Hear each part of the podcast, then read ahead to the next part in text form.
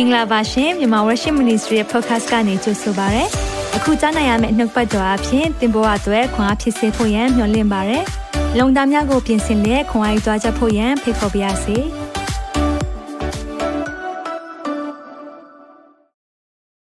အားလုံးပဲမင်္ဂလာပါကျွန်တော်နာမည် David Kim ပါဒီနေ့နှုတ်ကပတ်တော်တရားနာဖို့ရန်အတွက်ရောက်ရှိလာတဲ့အတွက်ဘုရားရှင်သင်ကိုအထူးပဲကောင်းချီးပေးပါစေ eternal perspective အမြင်ဆိုတဲ့အရာသိရေးကြည့်ပါတယ်အမြင်ရှင်းမှကျွန်တော်တို့သွားတဲ့လမ်းခီးလဲရှင်းပါလိမ့်မယ်အကြောင်းဒီနေ့နှုတ်ကပတ်တော်ကျွန်တော်ခံယူတဲ့အခါမှာဒီ series အသစ်ကသိရေးကြည့်ပါတယ်ကျွန်တော်နဲ့ဆီယမရဲ့ဘဝကိုထိတွေ့ပြောင်းလဲမှုအဖြစ်စီဆုံးနှုတ်ကပတ်တော်တွေဖြစ်တယ်အရန်ရေးကြည့်ပါတယ်ကြည်ခဲတဲ့အစာလည်းဖြစ်ပါတယ်အဲကြောင့်တစ်ချိန်နားထောင်လို့နားမလည်ရင်ပြန်နားထောင်ပါတေချာနှုတ်ပတ်တော်နဲ့ချိန်ထိုးပါဘာကြောင့်လဲဆိုတော့ ဒီရဲ့ပြောမယ့်အကြောင်းအရာတွေကိုသင်နားလည်သွားရဆိုရင်သင်လောကကြီးမှာအောင်မြင်တယ်လို့သာရကာလမှာလည်းအောင်မြင်မဲ့သူဖြစ်တယ်အာမင်ဒါကြောင့်ရောက်စီတိုင်းကိုကြိုဆိုတယ်တန်ရှင်သောဝိညာဉ်တော်ဖခင်ကိုကြိုဆိုရအောင်ကျွန်တော်တို့ခံယူခဲတဲ့နှုတ်ပတ်တော်တွေရှိသလိုအခုခံယူအောင်မဲ့နှုတ်ပတ်တော်တွေမှာလေဖခင်ရဲ့ဝိညာဉ်တော်ဟာအမြဲတမ်းလမ်းပြဖို့ကျွန်တော်တို့ဆုတောင်းပေးပါကျွန်တော်တို့အတွက်အမြဲဆုတောင်းပေးပါ ဒီနေ့သွားနာတဲ့သူတွေတဖုံးနာတဲ့သူတွေရှိတယ်လို့ဝိညာဉ်တော်ပြနှိုးဆော်တယ်ဒီအရာအတွက်လည်းယေရှုနာမ၌ဒီနေရာကနေတန်ချက်တော်အပြင်ကျမ်းမာပြီဖြစ်ကြောင်းကြီးညာပါတယ်ဒါကြောင့်မလို့သင်ဒီနေ့အာကတွင်းနဲ့ပတ်သက်ပြီးနာကျင်မှုဝေဒနာခံစားရတဲ့လူများရှိရဆိုရင်ဘုရားနာမ၌ကျမ်းမာခြင်းရရှိပါမိကြောင်းဒီနေရာကနေဆုတောင်းပါတယ်ဟေရှာယအနာဂတ်ကျမ်းအခန်းကြီး40အငယ်8ကိုဝန်ခံရအောင်တင်းနှစ်သုံးမြက်ပင်သည် ညှိုးနွမ်းသွေးချောက်တတ်၏အပွင့်လဲကြွေတတ်၏သာရဖျားဤနှုတ်ကပတ်တရားမူကားကာလဆင်အမြဲတည်၏ဟာလေလုယာတစ်ခါလောက်ဝန်ခံရအောင်ဒီကွာမြက်ပင်သည်ညှိုးနွမ်းသွေးချောက်တတ်၏အပွင့်လဲကြွေတတ်၏သာရဖျားဤနှုတ်ကပတ်တရားမူကားကာလဆင်အမြဲတည်၏အာမင်ဖျားရဲ့နှုတ်ပတ်တော်ပဲကာလဆင်တည်မှာဖြစ်တယ် eternally ဖခင်ရဲ့နှုတ်ကပတ်တော်ဟာသာရကာလတစ်ခုလုံးရှိနေမှာဒါကြောင့်ဒီနေ့ကလေးကကျွန်တော်တို့အရာယူထားရအောင်အာမင်လောကအရာတွေပြတ်သုံးသွားမယ်ဒါပေမဲ့သာရတည်မြဲမဲ့အရာဟာဖခင်ရဲ့နှုတ်ပတ်တော်ဖြစ်တယ်ဒါကြောင့်ကျွန်တော်တို့အရှင်တော်ဝိညာဉ်တော်ဖခင်ကိုကူညီတောင်းရအောင်ကျွန်တော်တို့ဟောပြောနေတဲ့အရာတွေတက်တည်ခံတဲ့အရာတွေဖခင်ရဲ့မဆခြင်းရှိမှသာလျှင်အဆင်ပြေမယ်ဒါကြောင့်ကျွန်တော်တို့ဒီချိန်မှာကျွန်တော်တို့နှုတ်ကပတ်တော်ကိုခံယူရအောင်အာမင်သက်ရှင်တော်ဖခင်နာမတော်ကိုအထူးချီးမွမ်းပါတယ်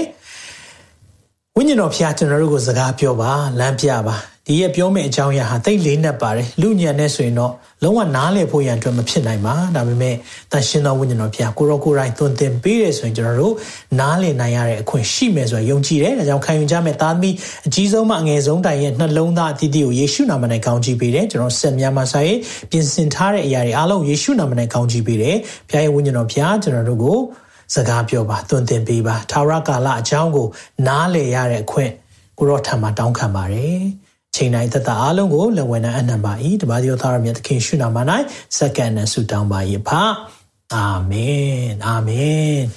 ဒီနေ့နောက်ကပတ်တော်တော့နှလုံးသားတွေကထာဝရလို့ပေးထားတယ် ဆိုတော့နှလုံးသားတွေကထာဝရနှလုံးသားတွေကထာဝရဘာကြောင့်ပေးထားလဲကျွန်တော်ပြီးကြရင်အဲ့ဒါလေးလည်းရှင်းပြမယ်ဆိုတော့ထာဝရအမြင်ဆိုတဲ့ series ကိုကျွန်တော်သွားမယ်ဒီ series မှာထူးခြားချက်တွေတစ်ခုပါပါတယ်အဲ့ဒါကတော့ကျွန်တော်တို့ guest speaker တွေလည်းပါသွားမှာဖြစ်တယ်နော်ကျွန်တော်တို့ဖိတ်ထားတဲ့ဆရာဆရာမတွေလည်းလာရောက်ပြီးတော့ဝင်ပြီးတော့ဒီမှာနှုတ်ပတ်တော်ကိုဝင်ငါတက်တည်ခံသွားမှာဖြစ်ပါတယ်ဆိုတော့နှလုံးသားတွေကထာဝရနော်ဒီနေ့အပိုင်း1ဖြစ်တယ် နှလုံးသားတွေကထာဝရဆိုတော့ကျွန်တော်တို့အပိုင်းဒီ Easter Holy Week အထိကျွန်တော်သွားရအောင်နောက်ပိုင်းမှာလိုအပ်တယ်ဆိုရင်လည်းကျွန်တော်တို့ဒုတိယပိုင်းအနေနဲ့ပြန်သွားဖို့ရှိတယ်ဆိုတော့နှလုံးသားတွေကထာဝရဆိုတဲ့အရာလေးကျွန်တော်ဘာနဲ့စပြီးပြောပြချင်လဲဆိုတော့ eternity เนาะ eternity ဆိုတဲ့စကားလုံးလေးဘလောက်အထိအတိတ်ပဲရှိတယ်လေဘလောက်အထိတကိုးရှိတယ်လေဆိုတဲ့အရာလေးကိုအရင်ဆုံးပြောပြချင်တယ်ဒီ eternity ဆိုတဲ့ စကလုံးလေးကဩစတြေးလျနိုင်ငံမှာဆိုရင်အယံပဲလူသိများတဲ့စကလုံးဖြစ်တယ်။ဘာကြောင့်လဲဆိုတော့ဩစတြေးလျနိုင်ငံသားတယောက်သူကအသက်9နှစ်မှာသူ့မိခင်ကမကြည့်ရှုနိုင်တော့တဲ့အတွက်သူများကိုပေးလိုက်တဲ့ကလေးလေးတယောက်သူ့နာမည်က Arthur Stace လို့ခေါ်တယ်။ Arthur ကိုသူကပေးလိုက်တဲ့အခါမှာသူကလည်းအဲ့လို foster home မှာကြီးပြင်းလာတဲ့အခါမှာကလေးကမိဘမြတ်တာနဲ့မကြီးလာဘူး။ အဲ့ဒီမှာစိုးသွမ်းလာတယ်အရက်တွေတောက်တယ်နော်သူအပေါင်းသင်းမှားတယ်ဆိုးတယ်ထောင်ခဏခဏကြတယ်အဲ့လိုဖြစ်တဲ့အချိန်မှာသူကတည့်ရက်မှာခရစ်တော်ရဲ့ကယ်တင်ခြင်းသတင်းစကားကိုကြားသွားတယ်1930ဩဂတ်စ်လ6ရက်နေ့မှာယေရှုနဲ့တွေ့သွားတယ်တွေ့တဲ့အခါမှာသူ့ရဲ့သက်တာလုံးဝပြောင်းလဲပြီးတော့အဲ့ဒီကနေစပြီးတော့သူဖျားရဲ့နှုတ်ပတ်တော်တွေကိုစာငတ်လာတယ်အဲ့လိုစာငတ်လာရင်းနဲ့ တရက်ကြတော့သူအသင်းတော်ကိုသူသွားနေရင်တန်လန်းပဲအဲ့ဒီနေ့မှာဘာဖြစ်လဲဆိုတော့ဧည့်သည်ဆရာတယောက်ရောက်လာတယ်ဧည့်သည်ဆရာကသူ့ကိုနှုတ်ပတ်တော်ဝင်ရတာဘာအကြောင်းပြောလဲဆိုတော့ထာဝရကာလနဲ့ထာဝရအကြောင်းကိုပြောတယ်ပြောရင်းနဲ့အဲ့ဒီဆရာကသူပြောလိုက်တဲ့စကားလေးတစ်ခွန်းရှိတယ်အဲ့ဒါဘာလဲဆိုတော့စစ်နီမြို့ရဲ့တမြို့လုံးမှာလမ်းတိုင်းမှာထာဝရ ထာဝရထာဝရ eternity eternity eternity ဆိုတဲ့စကားလုံးကိုအဲ့လို off လိုက်ခြင်းတယ်လို့ဆရာကြီးကပြောတယ်အဲ့လိုပြောလိုက်တဲ့စကားက Arthur Stace ရဲ့နှလုံးသားထဲကိုစူးဝင်သွားတယ်ဟာသူ့ကိုဖခင်ကစကားပြောတယ်ဆိုတာအဲ့ဒီနေ့မှသူခံစားရတယ်သူ့အိတ်ကထဲမှာဘာရှိလဲဆိုတော့မြေဖြူလေးရှိတယ်အဲ့ဒါနဲ့ तू ကဘာလုပ်လဲဆိုတော့အဲ့ဒီနေ့ကစပြီးတော့ စင်နီမြို့ရဲ့လမ်းတိုင်းမှာ platform ပေါ့နော်ကျွန်တော်တို့ပြောတဲ့ platform ပေါ်မှာအမြဲတမ်းသူကဘာရေးလေးရှိလဲဆိုတော့ခုနကျွန်တော်တွေ့ခဲ့တဲ့စကားလုံးလေး eternity ဆိုတဲ့စကားလုံးကိုသူကစာရေးတယ်။ဆိုတော့မနေ့တခါလေးဆိုသူက၄နာရီလောက်ထတယ်။ဒါပေမဲ့ तू ကဘယ်သူမှအောင်မပြောဘူး။ဘုရားစီဆူတောင်းတယ်ကိုရောဒီနေ့ဘယ်မြို့ဘယ်ဘယ်ရက်ွက်ထဲကိုသွားစေချင်လဲ။ဘယ်မြို့နယ်ထဲဘယ်ရက်ွက်ထဲကိုသွားစေချင်လဲ။ तू အဲ့ဒီမှာသွားတယ်။အဲ့ဒီ eternity အဲ့ဒါသူ့ရဲ့စကားလုံးလေးသူရေးတဲ့ ရေးသားဖြစ်တယ်ဆိုတော့အဲ့ဒီမှာဒီရဲ့ပုံကိုဖြစ်တယ်သူ့ကို Mr Eternity လို့ဟိုသူ့ကိုချစ်စနိုးနဲ့ခေါ်ကြတယ် तू ကအဲ့ဒီမှာ तू က eternity ဆိုတဲ့စကားလုံးလေး Tara ဆိုတဲ့စကားလုံးလေးတွေကိုရေးထားတဲ့အခါမှာလူတွေကဘသူကရေးတာလဲဒါတအားသိကျင်တယ်ပြီးရင်အဲ့ဒီစကားလုံးလေးကိုတွေ့တိုင်းတော်တော်များများစဉ်းစားသွားတယ် Tara ဆိုတာဘာလဲ Tara လူတွေခဏလေးရရက်သွားပြီးတော့အဲ့ဒီစကားလုံးကိုတွေ့တယ်ဆိုရင်စဉ်းစားမိသွားတယ်နှစ်ပေါင်းများဆိုဘသူရေးမှမသိဘူး तू ကလည်းမပြောသူရေးတယ်ဆိုတာမပြောအဲ့ကြားထဲမှာတော့တခြားလူတွေကသူတို့ရေးတယ်စသဖြင့်ပေါ်ပေါ်လာတာမျိုးလောက်တတ်တယ်ဒါပေမဲ့ तू တကယ်ရေးတဲ့ other states ကလုံးဝမပြောဒါပေမဲ့တည့်ရကြတော့သူ့ရဲ့တင်းုပ်ဆရာတည်သွားတယ်သူရေးတယ်ဆိုတာကိုဒါ16နှစ်ကြာတဲ့အချိန်ကြာမှတည်တာဖြစ်တယ်ဆိုတော့ तू အဲ့လိုမျိုးရေးခဲ့တဲ့ဟာကို ဩစတြေးလျရဲ့သမိုင်းမှာတော့မှမှတ်တမ်းတင်ရတဲ့အခြေအနေဖြစ်သွားတယ်။ဘာကြောင့်လဲဆိုတော့အဲ့ဒီမှာ Sydney မြို့မှာ Harbor နော်ဒီ Harbor Bridge ဆိုတဲ့အပေါ်မှာ eternity ဆိုတာဒါ New Year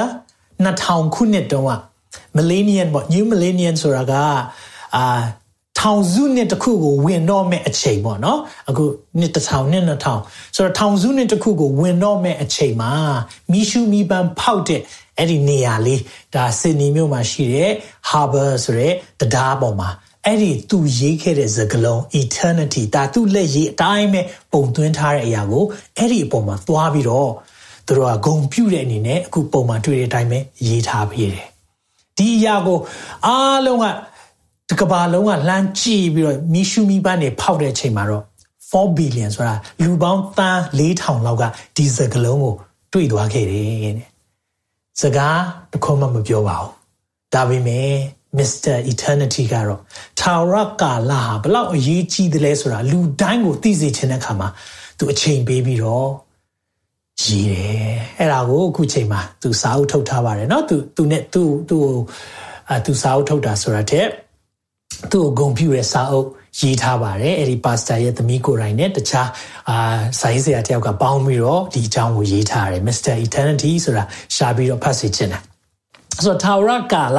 ထာဝရဆိုတဲ့အရာကိုလူတွေကအရင်စိတ်ဝင်စားတယ်ဖခင်ကလည်းကျွန်တော်တို့ကိုဒါဒီအရာကိုသိစေချင်တယ်ဒါပေမဲ့ထာဝရကာလတို့ထာဝရဆိုတဲ့အရာလူညံနဲ့သိဖို့သိခက်ခဲတယ်လူညံနဲ့သိဖို့ဘာလို့လဲဆိုတော့ဒီအရာကသိကျေပြတ်တာပေါ့နော် သိကျယ်ပြန့်တဲ့ခါမှာဥပမာကျွန်တော်တို့ကဥပမာပေးတာနော်နော်စဉ်းစားနည်းနည်းလေးစဉ်းစားမိသွားအောင်ဥပမာပေးတာဒါပေမဲ့နော်ဒီနေ့စဉ်းစားဖို့ခက်တဲ့အရာလေးတခုကျွန်တော်ဥပမာပေးခြင်းတယ်ဥပမာဆိုပါစို့အဆက်ကြာရာနော်ဆက်ကြာရာရဲ့တအားကြီးရယ်နော်ကျေရီအများကြီးကရှိနေပြီးတော့ galaxy ဆိုတော့ကျေအစုအဝေးတွေကိုပေါင်းထားတဲ့နေရာ galaxy လို့ခေါ်တာပေါ့အဲ့ဒါမျိုးတွေလည်းအများကြီးရှိနေတယ်တဲ့ဆိုတော့ဖြစ်ချင်တော့အဲ့ဒီ အခုချိန်ထိဒီဒီအာစัจ java ရဲ့အဆုံးဆိုတဲ့အရာကိုကျွန်တော်တို့ကပြောပြလို့မရသေးဘူးဆိုတော့ထားပါတော့စัจ java အဆုံးကိုသွားလို့ရတယ်ဆိုပါစို့အဲ့ဒီအဆုံးမှာဘာရှိနိုင်မလဲနော်နယံကြီးရှိမလားဆိုတော့နယံရှိတယ်ဆိုရင်နယံရဲ့သဘောတဘာဝနယံရှိပြီဆိုရင်ဟိုတခြားတစ်ဖက်မှာလည်းရှိနေပြန်ရောဆိုစဉ်းစားကြည့်လိုက်မယ်ဆိုရင်စัจ java အကြောင်းအောင်စဉ်းစားတယ်ဆိုရင်ကျွန်တော်ဉာဏ်မမီဘူးကျွန်တော်စဉ်းစားတွေးခေါ်လို့ကိုမရအောင်ဒါပေမဲ့တချို့အရာတွေက အုံနောက်နဲ့စဉ်းစားတိုင်းနားမလည်နိုင်ပေမဲ့နှလုံးသားကစဉ်းစားတဲ့အခါမှာနှလုံးသားနဲ့ချိန်ချင့်ချိန်တဲ့အခါမှာကျွန်တော်နားလည်နိုင်တာအများကြီးရှိတယ်။နောက်ဥပမာဆိုဆိုပါဆိုချစ်ချင်းမြတ်တာချစ်ချင်းမြတ်တာဆိုကျွန်တော်ခါလေအုံနောက်နဲ့နားလည်နိုင်ဖို့သိခက်တယ်နော်။ဒါပေမဲ့နှလုံးသားနဲ့နားလည်တယ်။အဲကြောင့်အားတချို့လူတွေပြောတာသူ့ကိုဘလို့ချစ်မိသွားမှမသိဘူးတဲ့။ဟောသူ့ကိုဘလို့ချစ်မိသွားမှမသိဘူးတဲ့နော်။တခါလေးဆိုရင်နော်မိဘတွေကဆုံးမတဲ့အခါမှာစေကျော်သက်ကလေးတွေက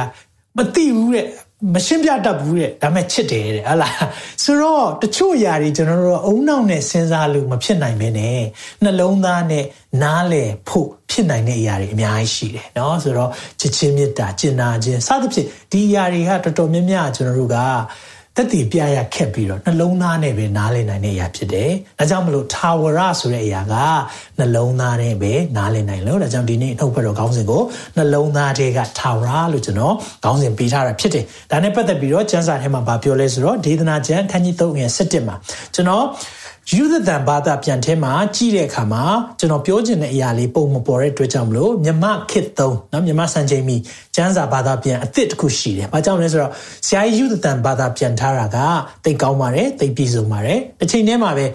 ဒီသူသုံးသွားတဲ့မြန်မာစကားလုံးအသုံးနှုန်းတွေကနှစ်ပေါင်း200လောက်ကြာပြီဖြစ်တဲ့အတွက်တချို့အရာလေးတွေနားလည်ဖို့ခက်ခဲပါတယ်။ဒါကြောင့် လူငယ်များစံစာပတ်ချင်တယ်ဆိုရင်တော့ခေတ်သုံးမြန်မာစာဖတ်ဖို့လဲကျွန်တော်ဒီနေရာကနေအကြံပြုချင်ပါတယ်အဲ့ဒီမှာအငယ်၁၁ကိုကြည့်ရအောင်ကိုရော်ဒီခတ်သိမ်းတော်အရာတို့ကိုသူ့အချိန်နဲ့သူလှပအောင်ပြင်ဆင်တော်မူပြီးလူဤစိတ်နှလုံးထဲ၌သာရကာလကိုလည်းထဲ့သွင်းထားတော်မူ၏တဲ့ဒါကြောင့်ကျွန်တော်တို့လူရဲ့စိတ်နှလုံးသားထဲမှာဖခင်ကဘာထည့်ထားပေးလဲဆိုတော့သာရကာလเนาะ put eternity in our hearts လို့ပြောတယ်နှလုံးသားထဲမှာတဲ့ထာဝရကာလကိုထည့်ထားပြီးတယ်ဒါဆိုရင်ဘာကိုပြောချင်တာလဲတချို့အရာတွေအုံနောက်နဲ့နားမလည်နိုင်ဘူးဒါပေမဲ့နှလုံးသားနဲ့နားလည်နိုင်တယ်အဲကြောင့်တင်းကိုဒီနေ့မှာခွာပေးခြင်းနဲ့ဒီအကြောင်းအရာပြောတဲ့အချိန်မှာနှလုံးသားနဲ့နားလည်နိုင်ဖို့ကြိုးစားပါလေးနဲ့တယ်ဒီဖြစ်တဲ့အရာတွေဖြစ်တယ်ဒါမဲ့ဘုရားစီမှာကျွန်တော်ဉာဏ်ပညာတောင်းခံရင်းနဲ့ဒီနေ့နှလုံးသားထဲမှာ ဘုရားဘယ်လိုစကားပြောမလဲเนาะကျွန်တော်ဆင်ခြင်ရအောင်ဆိုတော့ထာဝရကာလအရာဆိုတဲ့အရာကိုကျွန်တော်ဘယ်လိုနားလည်စေချင်လဲဆိုတော့ဥပမာဆိုပါစို့เนาะအလုပ်ရှင်တယောက်ကအလုပ်သမားတယောက်ပြောမယ်ဒီနေ့အလုပ်လုပ်တဲ့ပုံကိုကြည့်မယ်ကြည့်ပြီးလို့ရှင်ဒီနေ့အလုပ်လုပ်တဲ့အပေါ်မူတည်ပြီးတော့ဒီကုမ္ပဏီမှာအလုပ်လုပ်နေတဲ့၍ဒီမှာအလုပ်လုပ်နေတဲ့အချိန်တိုင်းမှာเนาะအချိန်ကာလတစ်ခုလုံးကို အကျိုးပြစ်ပေးသွားမယ်ရာထူးတက်ကောင်းလည်းတက်မယ်လာစားတက်ရင်လည်းတက်မယ်ဒါပေမဲ့ဒီနေ့ကိုကြည့်မယ်ဆိုရင်တင့်ကိုအဲ့လိုမျိုးအလုပ်ရှင်ကပြောလာတယ်ဆိုပါစို့တင်ဘလို့အလုပ်လုပ်မလဲအဲ့ဒီနေ့မှာပေါ်ပေါ်တန်တန်လုပ်မလားဖြစ်ကြရစမ်းလုပ်မလားဒါမှမဟုတ်ရင်သေချာလုပ်မလားသေချာလုပ်မှာပေါ့ဒီနေ့သေချာလုပ်လိုက်ရင်တဘွားတာလုံးအတွက်ကောင်းသွားမယ်ဆိုတာကိုတတိယပြောပြီးပြီလေ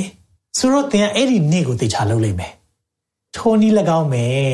ထာဝရကာလဆိုတဲ့အရာဟာတင်အခုနှစ်80အသက်ရှင်တဲ့အရာပေါ်မှာမူတည်ပြီးတော့ထာဝရကာလမှာအကျိုးပြစ်ရှိတယ်။ဒါကြောင့်ဒီနှစ်80အသက်ရှင်ခြင်းဟာတအားအရေးကြီးတယ်။ပေါ့ပေါ့တန်တန်နေလို့မရဘူး။ဒီနေ့ဒီဒါကြောင့်ဒီနှုတ်ကပတ်တော်ကိုကျွန်တော်တို့ဆ iam မနဲ့ကျွန်တော်တို့တိုင်ပင်ပြီးတော့ဖခင်ရဲ့နှိုးဆော်ခြင်းခံရတယ်။ဒါသင်ဖို့လိုတယ်။ဒီနှုတ်ကပတ်တော်ထာဝရကာလသင်မှာယုံကြည်သူတွေရဲ့အသက်တာမှာ ထာဝရကာလအတွက်ကြိုတင်ပြင်ဆင်နိုင်မဲ့သူတွေဖြစ်ဖို့ရန်အတွက်မျှော်လင့်နေ။ဒါကြောင့်ဖခင်ရဲ့ဝိညာဉ်တော်အသင်ကိုပို့ဆောင်ပါစေ။ကျွန်တော်နှုတ်ပတ်တော်ထဲမှာထာဝရကာလဘာကြောင့်လိလာတာလဲ။ကျွန်တော်တို့ဖခင်ကနော်ထာဝရဖခင်လို့ပြောတဲ့အခါမှာစာလံ90ထဲမှာဒီစာလံ90ကမောရှေရေးထားတဲ့စာလံဖြစ်တယ်သူရဲ့ပထနာဖြစ်တယ်။အဲ့ဒီမှာဘာပြောလဲဆိုတော့ အဲ့ဒီမှာကျွန်တော်အောက်ကတစ်ခုကိုဖတ်ပြပါမယ်เนาะဘာသာပြန်နှစ်ခုရှိတယ်ထာဝရကာလမှာထာဝရကာလတိုင်အောင်ကိုတော်သည်ဘုရားသခင်ဖြစ်တယ်ကျွန်တော်ဘုရားဆိုတဲ့အရာကကျွန်တော်တို့ဘယ်ဟာစဖြစ်လာလဲဘယ်တော့ဆုံးမလဲအဲ့လိုမျိုးကျွန်တော်တို့စဉ်းစားလို့မရအောင်ဘုရားဆိုတဲ့သဘောတဘာဝကထာဝရကာလကလေးကစတယ်ထာဝရကာလဆိုသူ့မှာအစအဆုံးမရှိဘူး ဖျားကို၌ကအစအဆုံးဖြစ်နေသူ့ကိုအချိန်ကသူ့ကိုတတ်မှတ်ထားလို့မရအောင်အချိန်နဲ့သူ့ကိုချုပ်ထားလို့မရအောင် ဒါကဖျားဆိုတဲ့သဘောဖြစ်တယ်။အဲကြောင့်ဒီနေ့ယုံကြည်သူများကိုနားလည်စေချင်တာကအခုသာရကာလအကြောင်းကိုဘာကြောင့်ကျွန်တော်တို့နားလည်ဖို့လိုတာလဲ။သာရကာလတွေကိုကျွန်တော်သိဖို့လိုတယ်။ဒါကိုသိမှသာလျှင်အသက်ရှင်တဲ့ပုံစံပြောင်းသွားလိမ့်မယ်။နော်ဆိုတော့အာကျွန်တော်လည်းသာရကာလအကြောင်းကိုသိတာနှစ်ပေါင်းသိမများသေးဘူး။နော်တယုံကြည်သူဖြစ်တဲ့ခါမှာတော့အော်တရက်မှာတော့ဘုရားကငါတို့ကို သူအိမ်တော်ခေါ်သွားမယ်ဆုလက်တွေပေးမယ်စသဖြင့်ဒါတော့ကျွန်တော်အကြမ်းမြင့်တော့သိပေမဲ့နေ့ရက်တိုင်းဆုံးဖြတ်ချက်ချတဲ့အရာအချိန်တိုင်းမှာလုပ်တဲ့အလုပ်ဟာသာရကာလမှာအကျိုးသက်ရောက်မှုရှိတယ်ဆိုတာတော့နားမလည်ခဲ့ဘူး။အဲကြောင့်မိတ်ဆွေကိုလည်းဒီနေ့မှာနားလည်စေချင်တယ်ကျွန်တော်တို့လိုမဖြစ်အောင်အဲကြောင့်ကြိုတင်ပြီးတော့သင်ထားပေးတာဖြစ်တယ်ဆိုတော့သာရကာလအကြောင်းသိဖို့ဘာကြောင့်အရေးကြီးတယ်ထင်လဲသာရကာလအကြောင်းသိဖို့ဘာကြောင့်အရေးကြီးတယ်လို့မိတ်ဆွေထင်လဲဒီနေ့ကျွန်တော်အဲ့ဒီထဲကနေအချက်၃ချက်နဲ့ ဒါ introduction လေးပြောပြချင်တယ်ခရစ်တော်ရဲ့တရားပလင်စီရင်ခြင်းအတွက်အစဉ်သင့်ဖြစ်ဖို့လိုတယ်မိတ်ဆွေသိလားဒီခရစ်တော်ရဲ့တရားပလင်စီရင်တယ်ဆိုတာယုံကြည်သူတွေအတွက်မယုံကြည်သူတွေအတွက်မဟုတ်ဘူးနော်အာဆရာကားတိုင်းပေါ်မှာစီရင်ပြီးသွားရင်မဟုတ်လားဒါတလောကလုံးအတွက်လက်ဝါးကားတိုင်းမှာစီရင်ပြီးသွားပြီမှန်တယ်အဲ့ဒီမှာသင်ကယေရှုခရစ်တော်ကိုကယ်တင်ပိုင်ရှင်နဲ့အရှင်သခင်ပြန်လက်ခံလိုက်ပြီးအဲ့ဒီခါမှာသင်ကကောင်းကင်ရောက်တော့မယ်သိကြပေါ့ဒါပေမဲ့ကောင်းကင်ရောက်တဲ့တရက်မှာ ခရစ်တော်ရဲ့တရားပလင်ရှေ့မှာသင်နဲ့ကျွန်တော်ရဲရအောင်မယ်အဲ့ဒီတရားပလင်ရှေ့မှာစီရင်ခြင်းရှိတယ်ဘာစီရင်မှာလဲနှုတ်ပတ်တော်နဲ့ကျွန်တော်ကြည့်ရအောင် Corinth 2ဒုတိယဆောင်ခန်းကြီး9အငယ်9နှစ်ကော9အငယ်9မှာဒီလိုပြောပါတယ်ထို့ကြောင့်ငါတို့သည်နေမြဲအရက်နိုင်နေသည်ဖြစ်စေကွာဝေးရာအရက်နိုင်နေသည်ဖြစ်စေသခင်ဖျားနှစ်သက်တော်မူသောသူ ဖြစ်စေခြင်းကစေတနာစိတ်ရှိ၍ကြိုးစားအားထုတ်ကြ၏ ဆိုတော့ရှင်ပေါလုတို့အလုတ်လုတ်တဲ့အချိန်မှာ तू ကဘာပြောတာလဲဆိုတော့ငါတို့ကဖျားကြိုက်နှစ်သက်ဖို့အလုတ်လုတ်တာမင်းတို့နဲ့ရှိရှိအဝေးမှာရှိရှိအမြဲတမ်းအလုတ်လုတ်တဲ့ပုံကမတူဘူးအမြဲတမ်းကောင်းဖို့ရန်အတွက်စေနာစိတ်နဲ့လုပ်တယ်တဲ့။ဘာကြောင့်လဲဆိုသူပြောတယ်အငယ်တစ်ဆယ်မှာအကြောင်းမူကားဆိုတာဘာကြောင့်အလုပ်လုပ်တယ်လဲ။ဘာကြောင့်အကောင်းဆုံးအသက်ရှင်တယ်လဲ။ဘာကြောင့်မလို့နှုတ်ကပတ်တော်ပြင်ဆင်တယ်လဲ။ဘာကြောင့်မလို့အေဝံဂေလိထွက်တယ်လဲ။ဘာကြောင့်မလို့ သိုးတွေကိုပြုစုတယ်လေအကြောင်းမူကားဘာကြောင့်လဲငါတို့ရှိသမျှသည်ကိုယ်ခန္ဓာ၌ကျင့်သောအကျင့်ကောင်းမကောင်းရှိသည့်အတိုင်းအကျိုးအပြစ်ကိုအသီးသီးခံခြင်းကခရစ်တော်၏တရားပလင်ရှင်၌ပေါ်လာရကြမည် bema judgment လို့ Greek ထဲမှာပြောထားတယ် bema bma bema ဆိုတာအဲ့ဒီမှာတရားပလင်စီရင်ခြင်းခရစ်တော်ရဲ့တရားပလင်ရှင်မှာကျွန်တော်တို့မှတ်တရရမယ်သင်လဲစီရင်ခံရမယ်ဒေးဗစ်ကင်လဲစီရင်ခံရမယ်ဒါကြောင့်မလို့တော်တော်များများကဒီအရာကိုဟို တိတယ်တိတရားရှိပြီးတော့လစ်လူရှုထားတာမျိုးရှိတယ်အဲကြောင့်မလို့ကျွန်တော်တချို့ဆုံးဖြတ်ချက်တွေကရေရှည်အတွက်ကျွန်တော်သိမစဉ်းစားဘူးအဲဆိုတော့ဒီစနော်ဥပမာဆိုပါဆိုဒီစားတောက်ကိုစားရင်တွေးတက်မယ်ဆိုတာသိလားသိတယ်တွေးတက်မယ်ဆိုတာသိတယ်ဒါပေမဲ့စားလားစားတယ်အကျိုးအပြစ်ဆိုတာဟာကိုပြောတာကိုခံရမယ့်အရာသိတယ်ဒါပေမဲ့တိတိကြီးနဲ့လောက်ကြတယ် နော်ဆိုတော့ဘာကြောင့်လဲလို့ပြောတဲ့အခါမှာကျွန်တော်တို့ကကျွန်တော်တို့အမြင်ကအဲ့ဒီနေ့အတွက်ပဲအဲ့ဒီမှာအသွေးသားတောင်းဆိုတဲ့အရာလေးကိုဖြည့်ဆည်းပေးခြင်းတယ်အဲ့ဒီနေ့အတွက်ပဲဒီနေ့မှာအရန်စားခြင်းတယ်ကိုကမတည့်ဘူးသိတယ်နော်စားမယ်ကိစ္စမရှိဘူးစီးကြိုရှိလားရှိတယ်ဒါပေမဲ့အဲ့ဒီကိတ်ကိုစားလိုက်ရင်စီးကြိုတက်ပြီးတော့ခေါင်းတွေမူးဝေသွားပြီးတော့မျက်စိတွေပြသွားမယ်သိလားသိတယ်ဒါပေမဲ့အဲ့ဒီမနှက်ဖြန်ကြုံရမယ့်အမြင်မရှိဘူးဒီနေ့ပဲကြုံချင်တာ ဒီနေ့မှာပြောချင်တာအဲ့ဒီဒီနေ့မှာဆုံးဖြတ်ချက်ချတဲ့အရာကဘာဖြစ်သွားလဲမနှက်ဖြန်မှာကျိုးသက်ရောက်တာမှောက်သွား၃ရက်လောက်ဟာအလုပ်တွေမလုပ်နိုင်တော့အလုပ်မပြီးဘူးလားပြောရင်စိတ်တွေတူဒေါ်ရိတ်ကန်ဘာကြောင့်လဲဒီနေ့ကျွန်တော်တို့ကအမြင်အဲ့ဒါထာဝရအမြင်ဆိုတာအဲ့ဒီမှာကိုပေါ်တယ်ကြတော့ကာမဂုဏ်မချုပ်ကြည့်နိုင်တာငါတို့ကာမဂုဏ်မချုပ်ကြည့်နိုင်တာကျွန်တော်တို့ကာမဂုဏ်ဆိုအဲ့ဒါကိုပြောတာ အဲ့ဒါကိုမချုပ်ကြည့်နိုင်ဘူးเนาะ self control english လို့ဆိုရင်ကိုကိုကိုမချုပ်ကြည့်နိုင်ဘူးမချုပ်ကြည့်နိုင်တယ်ရောနေမကောင်းမှန်းသိတယ်တခုခုဆိုးလာမှန်းသိတယ်မလုပ်တယ်ဒါပေမဲ့တင်ထဲမှာပဲเนาะအားကစားလုပ်ရင်ကျမ်းပါတယ်เนาะအားကစားလုပ်ရင်ကောင်းတယ်ဆိုတာသိကြလားသိတယ်သိတာပါအားကစားလုပ်ရင်ကျမ်းအမအားကစားလုပ်တဲ့လူရှိလားဒီထဲမှာပုံမှန်နေတိုင်းအားကစားလုပ်တာသိတယ်ကောင်းတယ်ဆိုတာ အသက်ရှည်မယ်เนาะအသက်ရှူရတာကောင်းတယ်သွေးလေးပတ်မှုကောင်းတယ်အမလေးပြောခိုင်းကြည့်ကိုယ့်ထက်ပြောတတ်တယ်ဒါပေမဲ့အဲ့ဒီပြောတာဂရင်ဘောကနေပြောနေတာများတယ် နော်တခါလေကြာရင်ကျွန်တော်တို့ကအဲ့ဒီအမြင်လေးအမြင်လေးနော်ဒီနေ့ပြောင်းသွားဖို့လိုတယ်ထာဝရကာလမှာကြုံရမယ့်အရာကိုဒီနေ့မှာမြင်ကြည့်လို့ရပြီကျွန်တော်နဲ့ဆရာမအမြဲတမ်းအဲ့ဒီအရာကိုကြောက်တယ်ခရစ်တော်ရဲ့တရားပလင်ရှေ့မှာစီရင်ခံမဲ့အခါကြရင် တာရုသစ္စာရှိတဲ့ငယ်သားလို့ပြောတာကြားချင်လားစိုးညစ်ပြင်းရည်သောငယ်သားလို့ပြောတာကြားချင်လားအဲ့ဒီခုကြားရမယ်နော်ဒီနေ့သာသူသစ္စာရှိသောငယ်သားလို့ကြားချင်တယ်အဲ့ဒါဆိုရင်ဒီနေ့မှာအသက်ရှင်ဖို့ပြောင်းဖို့လိုတယ်။ဒါကြောင့်မလို့ထာဝရကာလအကြောင်းနားလည်ဖို့လိုတယ်။ဘာကြောင့်လဲခရစ်တော်ရဲ့တရားပလင်ရှင်မှာစီရင်ခံရမယ်။သူသဖြင့်ဆရာတွေမူရဆောင်နေနော်ဆရာတွေပို့ပြီးတော့တဲ့စီရင်ခံရမယ်ဆိုတော့ကျွန်တော်ကိုစစ်မဲ့ဆန်တော့ပို့ပြီးမြင်လိမ့်မယ်။ ဒါကြောင့်မလို့လဲပို့ပြီးကြောက်တယ်အမှန်တိုင်းပြောရရင်။အဲကြောင့်အောင်မြင်ခြင်းအောင်မြင်ခြင်းဆိုတာလေမိတ်ဆွေအခုချိန်မှာလူတတ်မှတ်တဲ့အောင်မြင်ခြင်းနဲ့ဝါလို့မရအောင်။ချုပ်စာကြီးကဆရာရန်အောင်မြင်တယ်နော်ခီးတွေအများကြီးသွားတယ်လူကြည့်များတယ်နော်ကျွန်တော်တကယ်အောင်မြင်လားမအောင်မြင်ဘူးလားဆိုတာခရစ်တော်ရဲ့တရားပလင်ရှေ့ရောက်မှသိမှာဒါကြောင့်ကြောက်တယ် အခုအလုပ်လုပ်တဲ့အခါမှာတာသူတစ္ဆာရှိသောငယ်သားဖြစ်အသက်ရှင်ခြင်းနဲ့ဆုံးဖြတ်ချက်ချရရပြောလိုက်တဲ့စကားတခုချင်းစီတိုင်းမှာအကျိုးသက်ရောက်မှုရှိတယ်။အကြောင်းလုပ်လို့ရင်တေချာလုပ်ရအောင်။အာမင်။အကြောင်းခရစ်တော်ရဲ့တရားပလင်ရှိမှာစီရင်ခြင်းအတွက်အစဉ်သင့်ဖြစ်နေဖို့လိုတယ်။နံပါတ်1ချက်။မကြောင့်ထာဝရကာလအကြောင်းသိဖို့လိုတာလေ။မူလအမြင့်ခံယူချက်ကိုနားလည်ဖို့လိုတယ်။ဒီထာဝရကာလအကြောင်းဆိုတာအခုချိန်မှာတိတ်မပြောသလိုပဲเนาะ ဆိုတော့အသင်းတော်တွေမှာတိတ်မပြောတော့ဘူးဆရာတွေကလည်းတိတ်မသိဘူးမသိဘူးဆိုတာလည်းတိတ်မသိလို့လည်းဖြစ်တယ်မလေ့လာလို့လည်းဖြစ်တယ်ဒါပေမဲ့သင်ကိုသင်ရမယ့် subject ထဲမှာပါတယ်ကျမ်းစာပြောလားပြောတယ်ဟေဘရဲ6ထဲမှာဒီလိုပြောတယ်ဟေဘရဲ6ငွေ1နဲ့2မှာဒီလိုပြောတယ်ထို့ကြောင့်တေခြင်းနဲ့ဆက်ဆိုင်သောအကျင့်ကိုနောင်တရခြင်းတဲ့ တေခြင်းနဲ့ဆက်ဆိုင်သောအကျင့်ကိုနောင်တရဆိုအပြစ်နောင်တရတဲ့အရာပြီးရင်ဘုရားသခင်ကိုယုံကြည်ခြင်းကျွန်တော်ယုံကြည်ခြင်းအကြောင်းရဲ့နောက်ဗတ္တိဇံတရားကိုသွန်သင်ခြင်းနဲ့နော်ဗတ္တိဇံအကြောင်းတွေကျွန်တော်ဗတ္တိဇံ၃မျိုးဆိုတဲ့အရာဟောထားတာရှိတယ်နောက်လက်ကိုတင်ခြင်း တေလွန်သောသူတို့ဤထားမြောက်ခြင်းဆိုတာနောက်ဖြစ်မဲ့အရာတွေကျွန်တော်တို့ end time အကြောင်းတွေပြောတဲ့အရာနဲ့အဲ့ဒီမှာပြောတယ်ထာဝရစီရင်ဆုံးဖြတ်ခြင်းတည်ဟူသောတဲ့ထာဝရစီရင်ဆုံးဖြတ်ခြင်းဆိုတာနောက်မှာ eternal judgment ရှိတယ်နောက်မှာစီရင်ချက်ရှိတယ်နော်ထာဝရမှာစီရင်ချက်ရှိတယ်နော်ဆိုတဲ့ဟာကတဲ့မူလအမြင့်တဲ့တွေ့လားဟိုအင်္ဂလိပ်လိုဆို elementary teaching လို့ခေါ်တယ် elementary ဆိုတာမူလတန်းနဲ့တူတယ်ဆိုတော့မူလတန်းကျောင်းမတက်ထားဘူးဆိုရင်ကျွန်တော်တက်ကတူတက်ဖို့မဖြစ်နိုင်ဘူး နော်မူလတန်းမှာကျွန်တော်တို့နော်ကာကြီးခါကွေးရင်းနီးတော့1နှစ်3လေးတော့အပေါင်းနှုံမြောက်စားတယ်ကျွန်တော်မူလတန်းမှာသင်ခဲ့လို့သာအလေတန်းအထက်တန်းမှာကျွန်တော်သင်သင်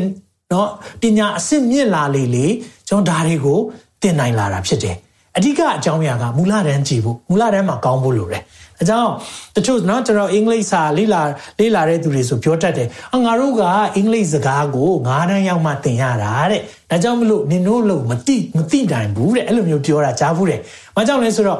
ဟုတ်တယ်အဲ့ဒီတော့စနစ်အရမူလတန်းမှာအင်္ဂလိပ်စကားမသင်ဘူးအင်္ဂလိပ်စာမသင်ဘဲနဲ့ငါးတန်းရောက်မှသင်တယ်ဆိုတော့မူလတန်းမှာလွတ်သွားတဲ့အရာအများကြီးရှိတယ်ကြောင့်မိတ်ဆွေဒီနေ့မှာပြောပြချင်တာတခုကပါလဲဆိုတော့မူလဒန်းအခုအခုပြောတဲ့အကြောင်းအရာထာဝရကာလဆိုအမြင့်ကြီးပြောတာမဟုတ်နော်တမန်တော်တွေခေတ်ကာလမှာအဲ့ဒါကမူလဒန်းအဆင့်ကိုပဲသင်တာ အားလုံးသိတဲ့အရာအဲ့ဒါကိုတဲ့ငါတို့ဒီပြန်ရင်မတည်ပဲဆိုတို့ကဒီရဲ့အကြောင်းအရာအားလုံးကိုဖတ်ကြည့်လိုက်ပြီဆိုရင်ဒါတွေပဲပြန်ပြန်ပြောနေရတယ်ရှေ့ဆက်သွားလို့မရအလေတန်းသွားလို့မရအထက်တန်းသွားလို့မရအဲ့လိုဖြစ်နေတာဘာကြောင့်လဲဆိုတော့ဒီမူလအမြင့်ကိုမကြည်ဘူးဖြစ်နေတာအကြောင်းခရစ်တော်ဤဘာခရစ်တော်ဤဘာသာ၌အစဦးဖြစ်သောအကြောင်းအရာတို့ကိုထား၍စုံလင်သောအဖြစ်သို့တက်ကြကုန်ဟန်နဲ့အတန်းတက်ပေးခြင်းနဲ့ဒါပေမဲ့မူလအမြင့်ကမရဘူးဖြစ်နေတယ် ဆိုတော့ဒါကြောင့်မလို့ခုနဘာကြောင့်မူလအမြင့်ခံယူချက်ကိုနားလည်ဖို့လိုလဲသာရကာလအကြောင်းနဲ့သာရစီရင်ခြင်းယုံကြည်သူတိုင်းသိထားဖို့လိုတယ်အဲ့ဒါကမူလတန်းပဲရှိသေးတယ်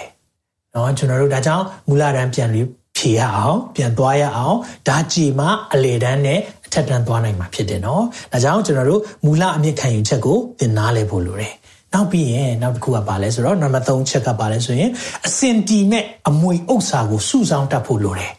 အခုကျွန်တော်တို့အောင်မြင်တယ်လို့ပြောတဲ့အရာတွေတကယ်တော့အဲ့ဓာတွေကဟိုတော့လောကကြီးမှာကျွန်တော်နာမည်ကြော်ကြားတယ်ဆိုပါစို့ချီးမွမ်းခွန်ရဲ့ကဲ့ရဲ့ခွန်ရဲ့ပဲဆိုတော့နာမည်ကြော်ကြားတဲ့အချိန်ရှိသလိုနာမည်ပြတ်သွားတဲ့အချိန်လည်းအများကြီးရှိတယ်ဆိုတော့ချမ်းသာတဲ့လူတွေရှိသလိုမချမ်းသာတော့တဲ့အချိန်ရှိတယ်ဘာကြောင့်လဲဆိုတော့ဒါကထာဝရတည်မြဲတဲ့အရာမဟုတ်လို့ ဒါမဲ့ထာဝရတည်မြဲတဲ့အရာပါရှိလဲဆိုရင်တော့ဒီနေ့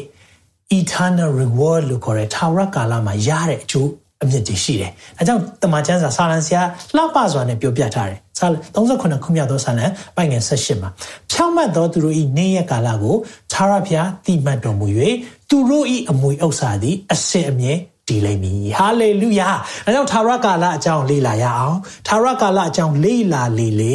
သင်တည်မြဲမဲ့ အစဉ်တည်မြဲမဲ့အမွေဥစ္စာဖျားပေးမဲ့ reward ဆိုတဲ့ရလက်ဆုလက်တွေကိုကျွန်တော်တို့သာရကာလအတွက်သိမ်းထားနိုင်မှာဖြစ်တယ်။အကြောင်းဒီနေ့ဒီအရာလေးနားလည်ဖို့လိုတယ်။အသင်းတော်တစ်ခုမှာရောက်သွားတယ်။ဧည့်သည်ဆရာမေးတယ်။သူတို့အသင်းတော်ကဟိုအသင်းတော်အရန်တိုးပွားတာပေါ့နော်။နှစ်ပေါင်းတူတူလေးထဲမှာအသင်းတော်လူဦးရေအရန်များတယ်ဒါဘရာဇီးနိုင်ငံဖြစ်တယ်။ဆိုတော့ तू က လှုပ်ဝက်ချက်ကိုသိကျင်တော့ဘလို့လဲတင်းအောင်ဆရာနဲ့တွေ့တော့နင်တို့အသင်းတော်မှာလူတိုးပွားမှုအရန်များတာပဲအလုပ်တွေလုပ်ကြတယ်အဲ့ဒါသူတို့စတာကအိမ်ထောင်နှစုနဲ့ပဲစတာတဲ့ဒါပေမဲ့အရန်တိုးပွားတယ်တဲ့ဆိုတော့မင်းတို့ရဲ့လျှို့ဝှက်ချက်ကဘာလဲသူပြောတဲ့အခါမှာ तू လုံးဝမထင်ထားတဲ့အရာတင်းတော်ပါစတာပြောတယ်တဲ့ဘာလဲဆိုတော့တဲ့ small group မဟုတ်ဘူးတဲ့ live group တွေเนาะ connect group တွေမဟုတ်ဘူးတဲ့ music ကောင်းလို့လည်းမဟုတ်ဘူးတဲ့ ဘာပဲသင်ပေးလဲဆိုရင်တဲ့သာရကာလအကြောင်းပဲကျွန်တော်သင်ပေးတယ်တဲ့ဒီနေ့သာရကာလအကြောင်းသင်ပေးရင်အသင်းတော်ရဲ့တိုးပွားခြင်းအဲ့မှာရှိတယ်။ဘာကြောင့်လဲဆိုတော့လူတိုင်းဟာကိုဘာလုပ်ရမယ်ဆိုတာသိသွားဖို့လိုတယ်။အာမင်ပြန်ပြောမယ်နော်။လူတိုင်းဟာကိုဘာလုပ်ရမလဲဆိုတာသိသွားမှသာလေအလုပ်လုပ်ချင်တာ။အဲကြောင့်မိတ်ဆွေချင်းနှုတ်ပတ်တော်ခံယူတာသိကောင်းတယ်။ဘာကြောင့်လဲသင်ဘာလုပ်ရမလဲဆိုသင်သိသွားလိမ့်မယ်။အဲကြောင့်လောကကြီးမှာအချိန်အရန်ပိုနေတဲ့သူတွေကျွန်တော် အရန်မဲ့ဒီနေ့နှမျောမိတယ်။နော်အားနေတဲ့လူတွေဘာကြောင့်လဲကိုလုပ်ရမယ့်အရာလှုပ်ဖို့ရန်ဖေဟာအချိန်ကွက်တီထားပြီးသားအဲကြောင့်တကယ်အလုပ်လုပ်တဲ့သူတွေအချိန်မလောက်နိုင်ဘူးဒါပေမဲ့အလုပ်မလုပ်တဲ့သူတွေအချိန်ကြီးရမ်းပိုနေစကားတွေပြောဖုန်းတွေဆက်တင်းတွေတုပ်ဒါတွေကကျွန်တော်တို့အလုပ်မလုပ်ကြောင်းပြတဲ့အရာဖခင်ရဲ့အကြံစီထဲမှာသင်မရှိကြောင်းပြတဲ့အကြီးမားဆုံးသောလက္ခဏာတစ်ခုကဘာလဲဆိုတော့အချိန်ပိုနေတယ်တင်ချိန်ပိုနေသတိထားပါနော် ဒီနေ့ဖခင်ရဲ့အကြံစီထဲမှာသင်မရှိဘူးဆိုတာပြတယ်အဲကြောင့်ဒီနေ့ကျွန်တော်တို့အချိန်မပိုဘူးသွားเสียရှိတယ်လှုပ်เสียရှိတယ်အများကြီးဖခင်ရဲ့ထာဝရကာလအတွက်လုပ်ရမယ်။ဟိုကြမှာနောင်တရပြီးတော့ကိုရောရဲ့ပြန်ခဏလောက်ပြန်ပို့ပေးပါအောင်ပြန်သွားခြင်းနဲ့မရတော့အခုဒါကြောင့်မလို့ထာဝရကာလဆိုတဲ့အရာကိုကျွန်တော်ပြောပြခြင်းတယ်ဒီအရာလေးပြောပြီးတော့ကျွန်တော်ဆုံးသတ်မယ်။ထာဝရကာလเนาะဆိုတော့ ကျွန်တော်အာဆရာကြီး Francis Chan ရဲ့ဒီဒီပြောပြတဲ့အရာလေးတခုကျွန်တော်ကြည့်တဲ့အခါမှာအင်မတန်မှခွန်အားဖြစ်တယ်ဒါလေးကိုကျွန်တော် share ပေးခြင်းတယ်ဆိုတော့အာကျွန်တော်ထာဝရကာလကိုရှင်းပြဖို့ကြိုးစားတာပေါ့နော်ထာဝရကာလအကြောင်းရှင်းပြဖို့ကြိုးစားတဲ့အခါမှာကျွန်တော်ဒီနေ့ကျိုးလေးနဲ့ရှင်းပြခြင်းတယ်နော်ဆိုတော့ကျွန်တော်လက်ထဲမှာကျိုးရှိတယ်အခုဒီကျိုး ဒီကျိုးမှာဒီအနီရောင်လေးနော်ကျွန်တော်တို့မြင်တွေ့နေရတဲ့နီရောင်လေးအပိုင်းရှိတယ်ဒါပေမဲ့တောက်လျှောက်ဒီမှာကျိုးရဲ့သွားတဲ့ဥစ္စာစက်တိုက်ဒီမှာရှိနေတယ်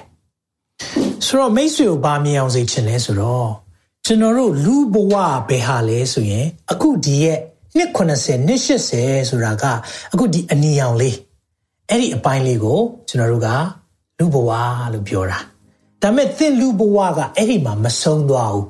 သင်ဟာလူဖြစ်တယ်ဆိုရင်ဝိညာဉ်ရှိတယ်အဲ့ဒီဝိညာဉ်ရှိတဲ့အတွက်သင်ဝိညာဉ်ဟာထာဝရသွားအောင်ပါသွားအောင်ပါဆိုတော့ဘယ်လောက်ထိသွားအောင်ပါလဲကျိုးကမဆုံးတော့ထာဝရအများကြီးကျွန်တော်တို့ဖြတ်တန်းရအောင်ပါအဲ့ဒီမှာအရန်ကိုကျွန်တော်တို့ကြုံရအောင်ပါဖြတ်တန်းရမှာဒီဟာထာဝရကာလဆိုတာအချိန်တိုင်းတာမရှိတော့ဘူးအဲ့ဒီမှာကျွန်တော်အချိန်နဲ့ကန့်သက်ထားလို့မရတော့ဘူး အမြဲတမ်းမပြီးဆုံးတော့မယ့်အချိန်ကာလကြီးအဲ့ဒီကာလကြီးကိုဖြတ်တော့မှာဒါပေမဲ့သင်စိတ်ပူနေတာနဲ့စိုးရိမ်တာဒီအနီလေးမှာဒီထဲမှာကျွန်တော်တို့ကရှုပ်ရှက်ခန့်နေကြတယ်တချို့တွေဒီရဲ့နော်နှစ်90ဆိုပါစို့တချို့ကအလဲကြော်သွားပြီတချို့ကအလဲနားရောက်ခံနီးလေးတချို့ကအစလေးမှရှိတယ်တင်ပင်နားမှာရှိလဲတော့ကျွန်တော်မသိကျွန်တော်တော့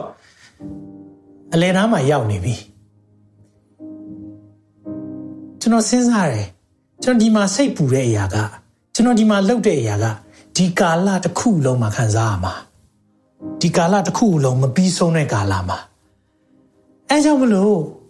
ဒီကာလသိရေးကြီးတယ်အခုကျွန်တော်မြင်တွေ့ရတဲ့ဒီအနီလေးကျွန်တော်အနီလေးနဲ့လှုပ်ထားတာအရန်ရေးကြည့်တယ်ဒီကာလကိုသင်ဘယ်လိုဖြတ်တန်းတယ်လဲသင်ရဲ့နေ့ရက်တိုင်းမောရှိဆူတောင်းတဲ့အရာလေးကျွန်တော်ဒီမှာတစ်ချက်ပြခြင်းတယ်။ဘာပြောလဲ 60ခုမြောက်သောဆာလံပိုက်ငယ်စနစ်မှာအကျွန်ုပ်တို့သည်ပညာတရားကိုနှလုံးသွင်းမိမိအကြောင်းကိုနေ့ရဲ့ကာလကိုရေတွက်နိုင်စေခြင်းကသွန်သင်တော်မူပါ teach us to number our days တဲ့ကျွန်တော်တို့ရဲ့နေ့ရက်တွေကိုရေတွက်တတ်ဖို့သွန်သင်ပေးပါတဲ့အဲ့ဒီပညာတရားလိုတာ90ခုမြောက်သောဆာလံမောရှေရဲ့ပထနာအဲ့လိုပြောတယ် ကျွန်တော်တို့နေ့ရက်ကာလတွေကိုသွန်သင်နိုင်ဖို့ရေတွက်နိုင်ဖို့သင်ပေးပါကိုတော့တဲ့ဘုရားစီမှာဆုတောင်းတယ်နိမိတ်ဆွေတခုနားလည်လိုက်ပါအဲကျွန်တော်တို့ထာဝရကာလဆိုဘယ်တော့မှမပြီးဆုံးတချို့ကဒီမှာကျွန်တော်တို့တွေအမွေလူအမွေလူဒီမှာရှုပ်ရှက်ခန့်နေဒီမှာအသင်းတော်ထဲမှာရံဖြစ်နေတယ်တင်းလူကြီးဖြစ်ရဖို့ကြိုးစားနေတယ်သူတို့ကကိုယ့်ကိုပြောသေးတယ်ဟာဆရာလဲတဲ့ကိုယ်ဝေဖန်သေးတယ် သူတို့ကသနာနေတာတကယ်တော့ဒီနေ့ Francis Chan နော်ဆရာကြီးက mega chat ရှိခဲ့တာအဲ့ဒီ mega chat အားလုံးလက်ထောက်နဲ့လွှဲပြီးတော့ discipleship ပြန်သွားတာလူနည်းနည်းစုလူနည်းစုကိုပြန်သွားတယ်တဲ့သူ့အားလုံးဟာဒီလူကလည်းငါတို့ကအသင်းတော်အကြီးကြီးတည်ထောင်မှုလုပ်နေတဲ့အချိန်မှာ तू ကအသင်းတော်အကြီးကြီးကိုထားခဲ့လိုက်တယ်။ဘာကြောင့်လဲ။ तू ထာဝရကာလကိုနားလည်သွားတာ။ဒီနေ့ကျွန်တော်တို့ဒီမှာကြုံတွေ့ရမယ့်အရာအတွက်နော်။အဲ့ဒီအချိန်မှာကျွန်တော်တို့ဆုလက်မတူဘူး။ ဖျားခွဲခတ်မဲ့ယာထူးမတူဘူးနော်။အဲ့ဒါထာဝရကာလဘယ်တော့မှမကုံဆုံးမဲ့ကာလ။သင်ဒီဘဝမှာအောင်မြင်တယ်လို့လို့ရှိပေမဲ့ဒီဘဝမှာသင်ကချမ်းသာတယ်လို့လို့ရှိပေမဲ့ထာဝရကာလမှာမအောင်မြင်မဲနဲ့ဆင်းရဲတဲ့သူဖြစ်ကောင်းဖြစ်နေလိမ့်မယ်။အဲကြောင့်ဒီနေ့ကောင်းကင်နိုင်ငံတော့ရောက်ပါတယ်။ဖျားပြင်ဆင်ထားတဲ့အခန်းမှာတော့နေရပါတယ်။လူတိုင်းနေရပါတယ်။ဒါပေမဲ့အဲ့ဒီမှာဖျားခွဲခတ်မှတ်သားတဲ့အရာမတူဘူး။အဲကြောင့်ကျွန်တော်တို့ဒီနေ့ ဒီရဲ့ကာလမှာအသက်ရှင်နေရကျွန်တော်ပြောကြတယ်။ကျွန်တော်ကအင်္ဂလန်မှာကျောင်းတက်ခဲ့တာဟုတ်နော်။ကျောင်းတက်တယ်။ BBC မှာအလုပ်ထွက်လိုက်တယ် BBC မှာအလုပ်လုပ်ရင်းနဲ့နှမျောလိုက်တာတဲ့ဘာလို့အလိုလောက်တာလဲအကြောင်းတွေတက်ပညာတွေသင်ပြီးမှအမှုတော်ဆောင်လုပ်တယ်နှမျောလိုက်တာတဲ့ကျွန်တော်တို့သနာနေတယ်ဘာကြောင့်လဲကျွန်တော်ကဒီကာလမှာအသက်ရှင်နေရ ဒီထာဝရကာလမှာအကျိုးရှိမယ်ဆိုတော့ကျွန်တော်သိသွားပြီအဲကြောင့်မိတ်ဆွေဒီနေ့မေးချင်တယ်ဒီအတွက်စဉ်းစားပြီးပြီလားဒီမပြီးဆုံးတော့မဲ့အတိုင်းတာအများကြီးသွားရမယ့်ကာလအတွက်သင်စဉ်းစားပြီးပြီလားသင်ပေသွားမလဲဆိုတာကိုသိပြီလားဒါမှမဟုတ်သင်ဒီအပိုင်းလေးမှာစိတ်ပူနေရလားငါဘယ်ကြောင်းတက်ရမလဲငါဘယ်သူနဲ့အိမ်ထောင်ပြုရမလဲဟာငါ့ကိုငါငါပင်စင်ယူပြီးငါ့ကိုဘယ်သူကကြည့်ရှုမှာလဲ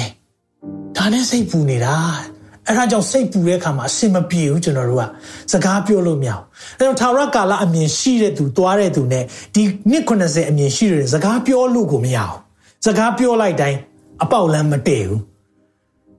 ဟာမောင်နှမတွေခေါ်တယ်အမွေခွဲရအောင်နော်အားလုံးယူလိုက်တော့လို့ပြောလိုက်တယ်အားလုံးယူလိုက်တော့တပြားမှမလို့ချင်ဘူးလို့ပြောလိုက်တယ်ဘာကြောင့်လဲဒီမှာလုံမဲ့ကာလအတွက်စိတ်မပူချင်ဘူးဒီရဲ့ဒီရဲ့ကာလအတွက်စိတ်ပူဖို့လိုတယ် ဒီရဲ့ကာလအတွက်အလုံးလုံးဖို့လိုတယ်အဲကြောင့်ဒီနေ့သင်ဘယ်အတွက်စိတ်ပူနေလဲသာရကာလဆိုတာဘယ်တော့မှမပြီးဆုံးတော့မဲ့ကာလဒါပေမဲ့သင်ဒီမှာလုပ်တဲ့အရာကအကျိုးသက်ရောက်မှုရှိပါခရစ်တော်ကိုလက်ခံထားရင်တောင်းကင်သွားမယ်ခရစ်တော်ကိုလက်မခံထားရင်သာရငရေသွားမယ်ဒါတော့ရှင်းနေပြီဟုတ်ပြီခရစ်တော်ကိုလက်ခံထားပြီးပြီဒါပေမဲ့ဖျားခေါ်ခြင်းထဲမှာသွားလား ဖျားလှုပ်ခိုင်းတဲ့အရာတွေလှုပ်လားကိုလှုပ်ခြင်းတဲ့အရာပေါ်မှာလှုပ်ပြီးတော့မှဖျားစီယာဆုလက်မျှော်တာတော့မလုပ်နဲ့နော်မရအောင်ဖျားလှုပ်ခိုင်းတဲ့အရာကိုလှုပ်တဲ့သူဒီနေ့ဆုလက်ရမယ်အကြောင်းမလို့ရှင်ပေါလုဘာပြောလဲဒါလေးပြောပြီးတော့ကျွန်တော်ဆုံးသက်ခြင်းနဲ့ရှင်ပေါလုကဘာပြောလဲတစ်ကောခန်းကြီးကိုငင်24မှာဒီလိုပြောတယ်မြေတလင်း၌ပြန်၍ပြေးကြသောသူပေါင်းတို့သည် ပြန်၍ပြေးကြတော့လေတယောက်တည်းသာလဲစုကိုရမည်ဟုသင်တို့မသိကြသလားစုကိုရမည်အကြောင်းပြေးကြလောပြောကြည့်ပါစုကိုရမည်အကြောင်းပြေးကြလောပြန်ပြောပါအောင်စုကိုရမည်အကြောင်းပြေးကြလောအဲကြောင့်မလို့အာဟဆရာရဲ့ထာဝရကာလမှာဖျားတာဝန်ယူပြီးသားလေးအားလုံးမှန်တယ်ဒါပေမဲ့စုလက်တင်မရမှာဆိုလို့အဲကြောင့်လူတိုင်းကကိုယ့်ရဲ့တရဖူတွေချပြီးတော့ယေရှုကိုပေးတဲ့အချိန်မှာချစရာတရဖူမရှိရင်သင်မဲရှက်မှာနော်ချစရာတရဖူရှိပြီလား အဲကြောင့်ဒီနေ့ don't let other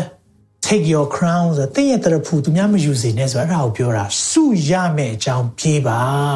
စုရမယ့်အကြောင်းပြေးပါပြိုင်ပွဲပွဲ၌ပြန်၍အချင်းချင်းတိုက်တော်သူမိဒီကအရာရာ၌တက်မှတ်ခြင်းကိုချုပ်တီးတတ်၏ထိုသူသည်ညှိုးနွမ်းပျက်စီးတတ်သောပန်းဥယျကိုရခြင်းအလိုငါပြုကြ၏ငါတို့မူကားမညှိုးနွမ်းမပျက်စီးနိုင်သော ပန်းဥယျကိုရခြင်းအလိုငါပြုကြ၏နေဖျားပေးမဲ့တရဖူငါးမျိုးတည်းတခုမညှိုးနွမ်းတဲ့ပန်းဥယျရဖို့ပြေးပါတဲ့ပြေးပါတဲ့ထို့ကြောင့်ငါပြေးတော့အခါရှင်ပေါလုကပြောပြီးအမှတ်တမဲ့ပြေးသည်မဟုတ်။အော်ဟိုကြုံလို့လှုပ်လိုက်တာမဟုတ်ဘူး။ခိုင်းလို့လှုပ်လိုက်တာမဟုတ်ဘူး။အမှတ်တမဲ့လေးလှုပ်လိုက်တာမဟုတ်ဘူး။ Facebook မှာတွေ့လိုက်လို့အော်စိတ်ဝင်စားစရာကောင်းကြည့်လိုက်တာမဟုတ်ဘူး။ ဘာလှုပ်တာလဲ။လက်ပွေတတ်တော့အခါဆိုတာလက်ဝိတ်ထိုးတာ boxing လုပ်တယ်ပြောတာအာဃာတကောင်းကင်ကိုဒါထိုးရတတ်တယ်မဟုတ်ဆိုတာလေထဲကိုထိုးတာကိုပြောတာသူများအောင်မထိဘဲနဲ့လေကိုပဲထိုးနေတာမဟုတ်ဘူးတဲ့ဘာလုပ်လဲသူတစ်ပါးကိုဆုံးမပြီးမှကိုယ်တိုင်ရှုံးသောသူမဖြစ်ရမည်ကြောင်းကိုယ့်ကိုထိုး၍နှိပ်ဆက်လေးရှိတယ်ဆိုကိုယ့်ကိုယ်ကိုသတိပေးတယ်လို့ပြောချင်တာဒီနေ့ဒီနှုတ်ကပတ်တော်ကကျွန်တော်လည်းကိုယ့်ကိုယ်ကိုသတိပေးရတဲ့နှုတ်ပတ်တော်ဖြစ်တယ် ဘာလို့လဲကျွန်တော်တို့ခုနပြောတဲ့အနီရောင်လေးအပိုင်းလေးအဲ့ဒီအပိုင်းနဲ့ကျွန်တော်တို့အသက်ရှင်ရတာအခုချိန်မှာကျွန်တော်ဒီညတည်သွားနိုင်တယ်ထင်နေတာတော့80နေသွားမယ်ဒါပေမဲ့35မှာဆုံးသွားတဲ့သူအများကြီးရှိတယ်ဟိုတလောက online မှာကျွန်တော်တွေ့တယ်နှုတ်ပတ်တော်ဝင်ရတဲ့ဆရာနောက်ရက်မှာဆုံးသွားတယ်လို့ကြားတော့စိတ်မကောင်းဆရာကြီးကျွန်တော် page မှာလည်းဝင်ငါပေးပါအောင်တဲ့သူလာပြောသေးတယ်ဆုံးသွားပြီ သူတော့ပြေးသွားပါတယ်သူရဲ့ပြေးလမ်းမှာအကြောင်းသူများကို့ပြေးလမ်းမှာကိုပြေးပါပြိုင်နေတာတခြားလူနဲ့မဟုတ်ဘူးနော်ဟောဟိုတယောက်အဲ့လိုပြေးတယ်ငါလိုက်ပြေးအောင်အဲ့ဒါသင်ပြေးလမ်းမဟုတ်သူပြေးလမ်းတဲ့သင်လိုက်ပြေးနေတာ အဲကြောင့်လေသူများဘာလို့လို့လုံးဝစိတ်ဝင်စားတယ်တင်းကိုဖះဘာခွဲခန့်မှထားထားတယ်လေတင်းကိုဘာလောက်ခိုင်းထားတယ်လေတင်းဘာအတွက်အသက်ရှင်တယ်လေအဲ့ဒါသိပြီဆိုရင်အဲ့ဒီပြေးလမ်းမှာသွားပါတင်းကိုဖះကစီးပွားရေးမှာခေါ်ထားရင်လောက်ပါအဲ့ဒီစီးပွားရေးနဲ့ဖះနိုင်ငံတော်ထဲမှာအများကြီးထောက်ပံ့လို့ရတယ်တင်းကိုဖះက accountant နေရာမှာထိုင် accountant လောက်ပါတင့်ကိုဖះကပန့်ပိုးတဲ့သူနေရာမှာထိုင်ပန့်ပိုးပေးပါတင့်ကိုဖះကစင်မော်တက်ဖို့ရန်ထိုင်စင်မော်တက်ပါတင့်ကိုဖះပဲနေရာထားလဲ အဲ့ဒီနေရာမှာထားတဲ့သူ ဖြစ်တယ်ဆိုရင်သင်ဟာအမှတ်တမဲ့အလုံးမလုပ်တော့ကျွန်တော်ဒီနေ့ဟောပြောနေတဲ့အရာတွေလောက်ကင်တာတခုမှအမှတ်တမဲ့မလုပ်အကုန်အတိအကျလုပ်တယ်သေချာလုပ်တယ်ဘာကြောင့်လဲကျွန်တော်ပြေးလန်းကျွန်တော်သိတယ်ကျွန်တော်ပြေးလန်းကျွန်တော်သိတယ်ကျွန်တော်ပြေးရမယ်ကျွန်တော်ကိုစစ်ဆေးမဲ့အရာလဲအားလုံးတက်ပြင်းထန်တယ်ဒါပေမဲ့ဖခင်ရဲ့ခွန်အားနဲ့သွားနေတယ်အဲ့ဒီပြေးလန်းသွားတဲ့အခါမှာအင်မတန်မှ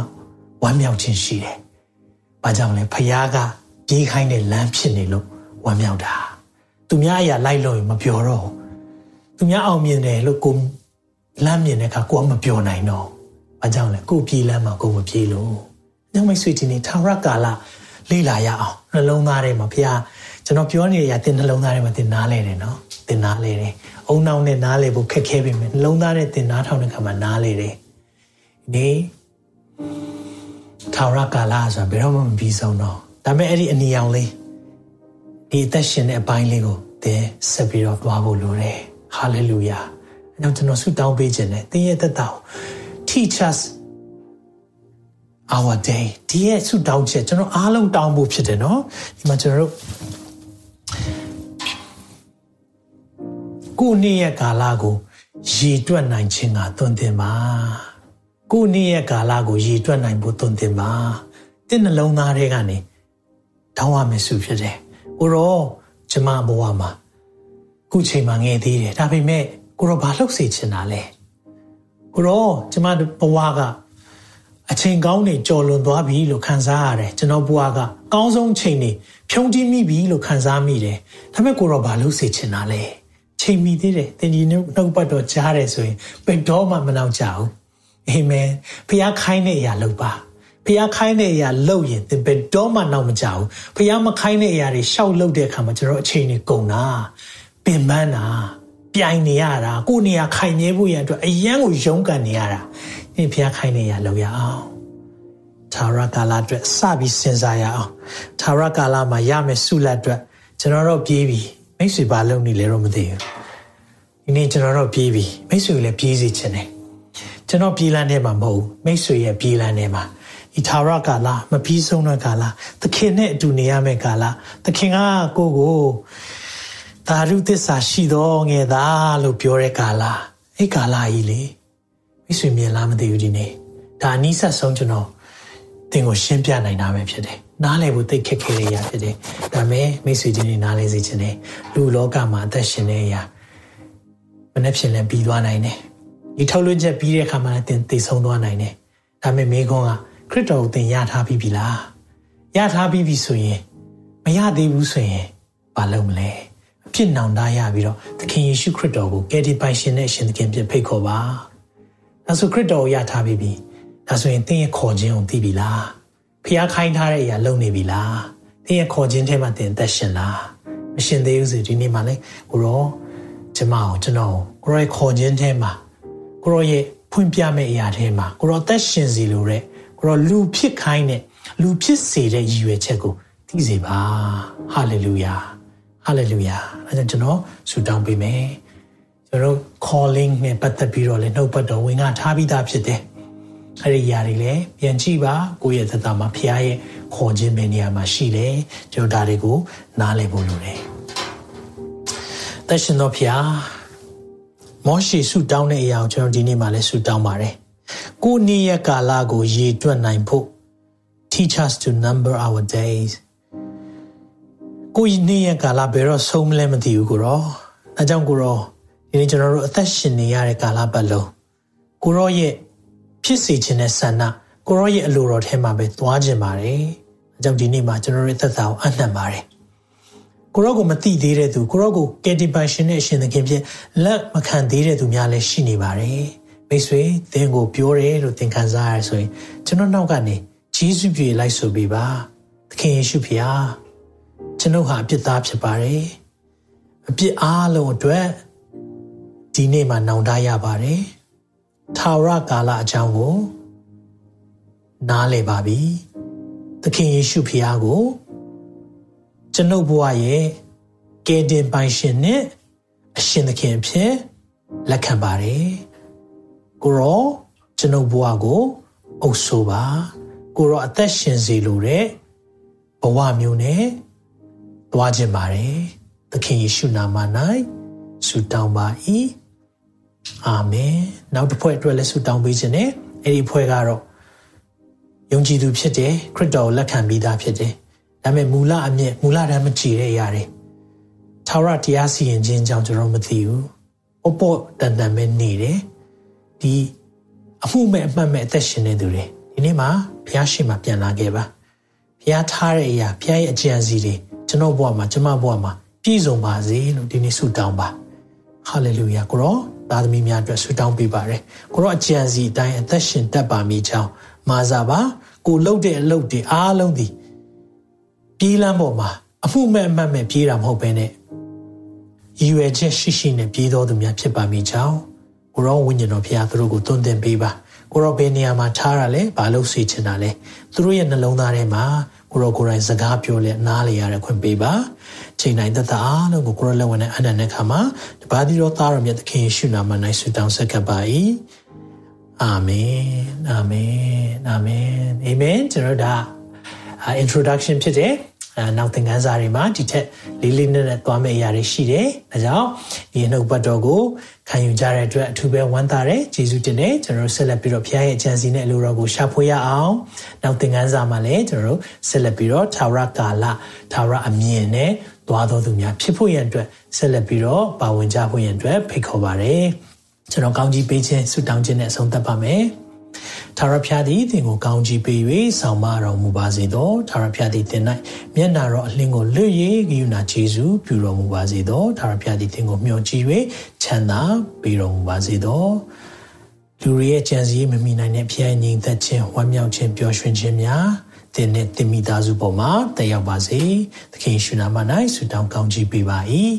အာမင်အာမင်ရောက်စီတိုင်းနောက်ထုတ်လွှင့်ချက်မှာပြန်လည်ဆုံတွေ့ပါအောင်မယ် တတင်ခုလိုနားဆင်ခွန်အားနိုင်ခြင်းဟာမြန်မာ Worship Ministry ကိုလာဆင်ပန်ပိုးနေကြတဲ့ Kingdom Partners များအကြောင်းဖြစ်ပါတယ်။ဖျားခင်နိုင်ငံတော်ကျယ်ပြန့်ရေးအတွက်လာဆင်ပေးကမ်းပောင်းဖို့ရန်ဖိတ်ခေါ်လိုပါတယ်ရှင်။